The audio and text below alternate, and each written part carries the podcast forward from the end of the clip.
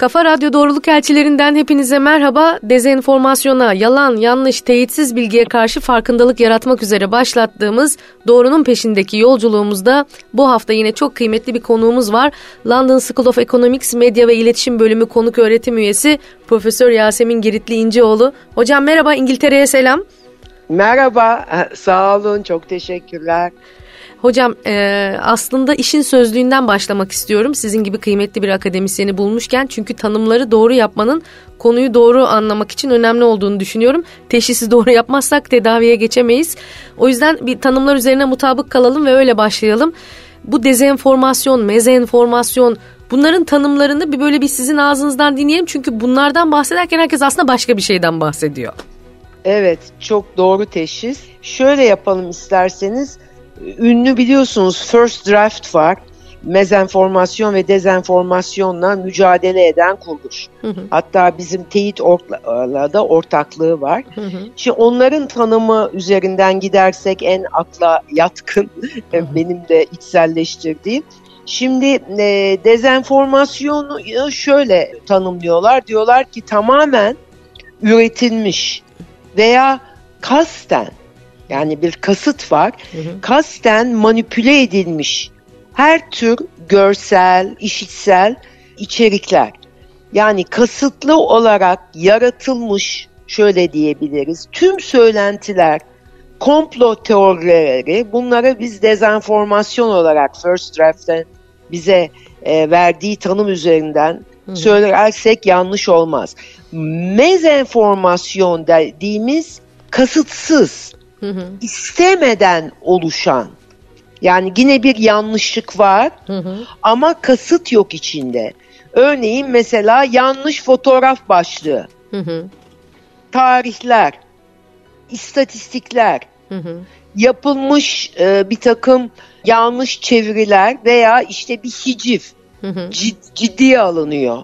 Halbuki alınmaması gerekiyor. Yani burada tabii bizim konumuz daha çok dezenformasyon. Burada dezenformasyona neden olan yani kasten yanlış bilgi yayan kaynaklar çeşitli söylentiler çıkarmak, işte e, uydurma haberler yapmak ve nihayetinde de esasında bu profesyonel yayın organlarına ulaşabilmek için internetin tüm anonim sayfalarını kullanıyorlar. Hı hı. Bu çok önemli. Yani burada yanlış bilgiyi kasten üretenlerin genellikle siyasi, ekonomik, psikolojik ya da bu tüm toplumsal dürtülerden beslendiğini unutmamamız lazım. Evet. Evet. Hocam e, şimdi aslında hani bu tanımları böyle doğru koymak önemli. Üstelik de şimdi bir savaşın gölgesindeyiz. Gerçi hani evet. hani coğrafyamızda savaş da hiç bitmiyor ama e, evet. bu tür savaş, e, büyük toplumsal olaylar, doğa olayları, afetler gibi durumlarda e, sosyal evet. medya kutuplaşmanın en vücut bulmuş haline dönüşüyor.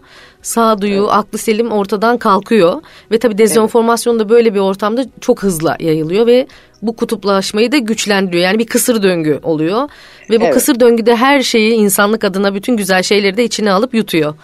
Evet. Şimdi bu noktada özellikle de dediğim gibi hani savaşın gölgesinde bir süreçte bunu konuşurken bu döngüyü evet. kırabilecek miyiz? Nasıl olacak?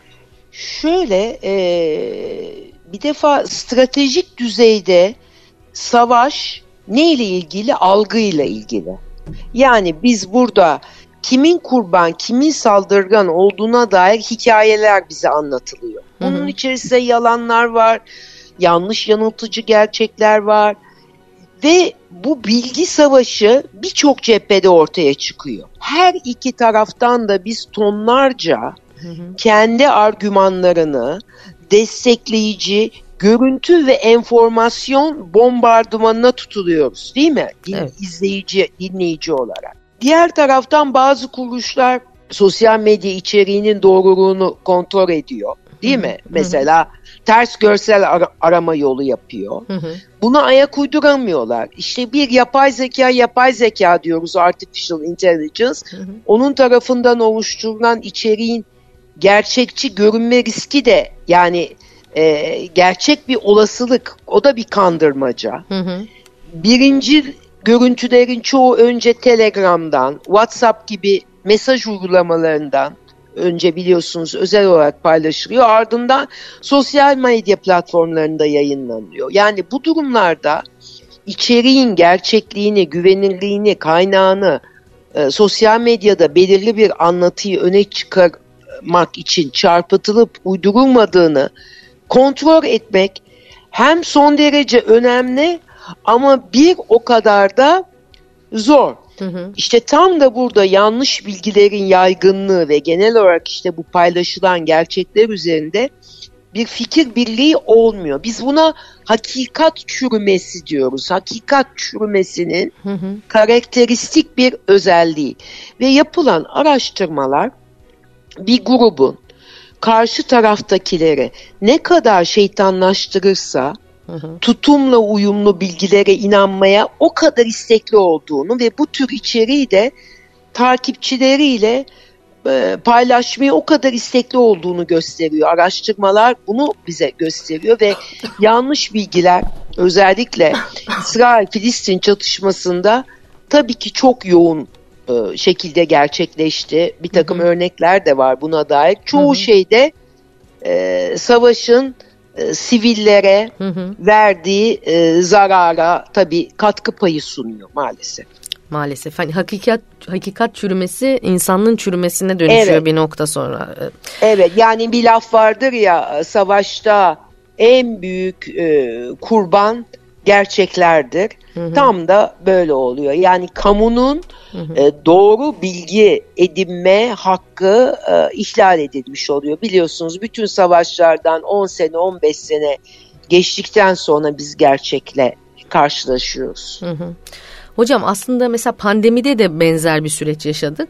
Tabii. Orada da e, mesela kime e, sarılacağız, kimden doğru bilgiyi almak isteyeceğiz? Uzmanı olduğunu düşündüğümüz insanlardan. Ama evet. orada da uzmanlık tırnak içinde kullanıyorum. Uzmanlık kavramı da büyük bir sınavdan geçti aslında. Hani gördük ne kadar işte yok kemik suyu içinlere kadar gelen öneriler gibi. Şimdi Evet ama buyurun. E, Cansel Hanım çok güzel bir şey söylediniz ama orada o uzmanları seçen, hı hı. o uzmanların çıktığı mecralar, hı hı. televizyon, radyo, gazetelerde seçen, e, o süzgeçten geçirenler de gazeteciler. Hı hı. Yani e, siz gerçek anlamda uzmanı doğru seçmezseniz o zaman hodri meydan oluyor bu tür konuşmalar için. Evet zaten ama işte hani medyanın da kalitesi, evet. e, istihdam politikaları falan o da tabii Kesinlikle, ayrı bir tartışma. Tabii. E, evet. Bu noktada evinde oturan ve meseleleri sosyal medyasından, medyadan takip eden insanlar için e, bu karmaşadan nasıl çıkacağız? Onlar ne yapabilirler? Evet, şimdi şöyle e, bir defa hep zaten söyleniyor asıl sorumluluk izleyicide, okurda hı hı. haber e, önce teyit süzgecinden geçirirsin. İşte bunun için var ya bu klişe laflar hepimiz de ediyoruz. Medya okur yazarlığı, hı hı. artık dijital medya okur yazarlığı çok önemli.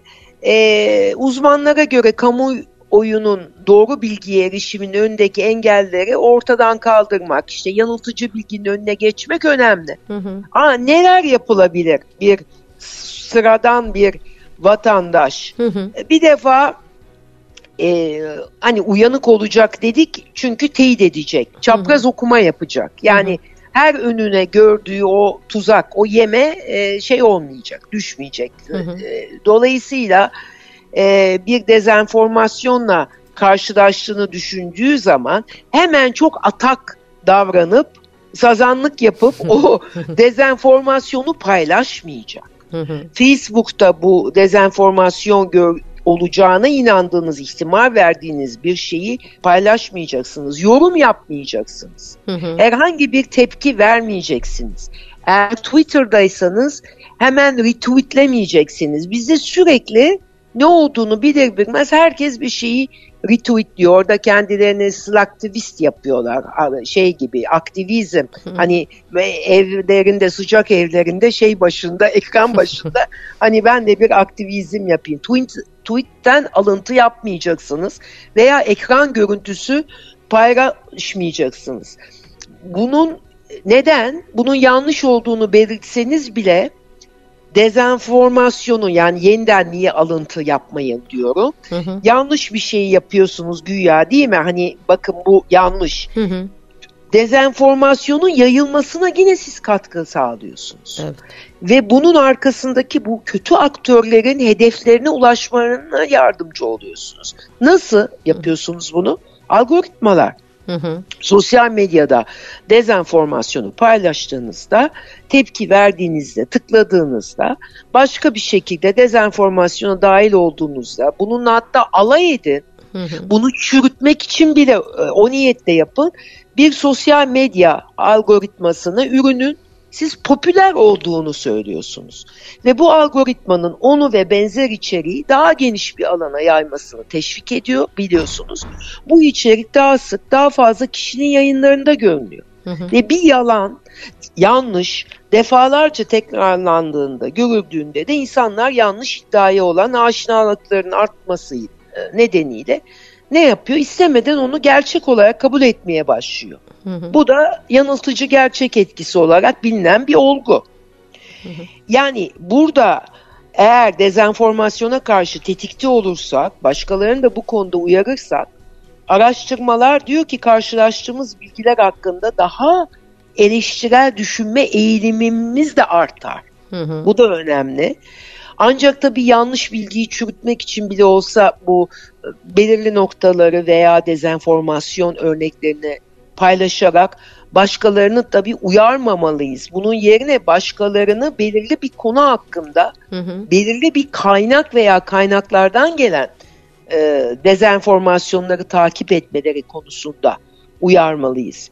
E, bunlar yani daha mesela sosyal hı hı. platformların tümü. Hı hı. Kullanıcılara işte Facebook, Twitter, e, ne bileyim Instagram, TikTok dair olmak üzere kendi kurallarını ihlal eden içerikleri işaretleme etkisi veriyor değil mi? Bildirme. Hı hı. Evet. E, bu da önemli bir şey. Bunu da kullanabiliriz. Hı hı. E, yani burada e, yapılacak çok şey var. Ama tabii şirketler de e, baktığımız zaman Meta ve hı hı. X şimdi değişti ya adları hı hı. Facebook, Twitter, Meta ve X gibi.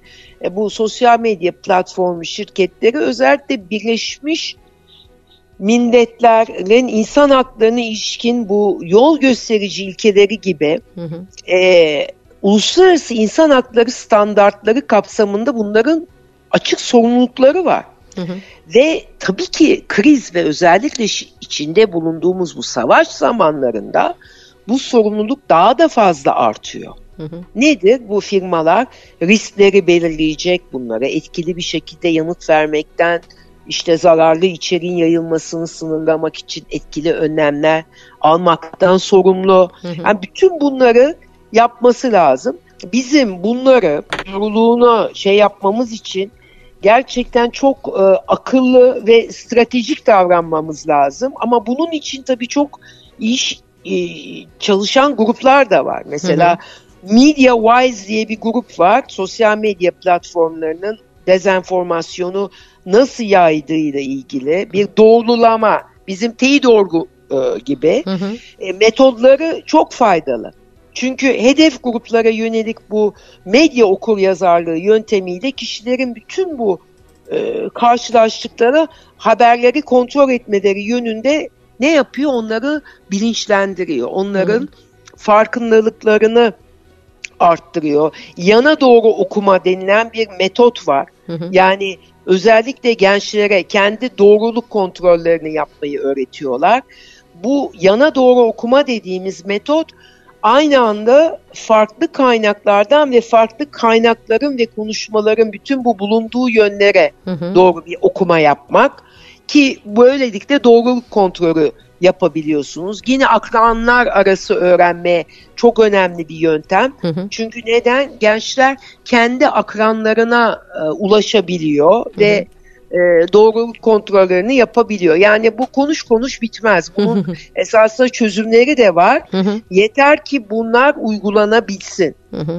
Kuyu derin değil ip kısa derler ya hocam. Mesele evet. öyle herhalde ama evet. e, çözümleri sizinki gibi kıymetli isimlerden e, bu konulara çalışan dünyada da Türkiye'yi bir akademisyen olarak e, temsil eden bir isimden dinlemek çok faydalı oldu. Çok teşekkür ediyorum. Ağzınıza sağlık hocam. Ne demek? Ben teşekkür ediyorum. İyi yayınlar. Çok teşekkürler. Görüşmek Sağ olun. üzere sevgiler. Sağ olun. Avrupa Birliği tarafından finanse edilen bu programın içeriği tamamen yapımcının sorumluluğundadır ve Avrupa Birliği'nin görüşlerini yansıtmayabilir. Haftaya doğruluk elçilerinde görüşmek üzere.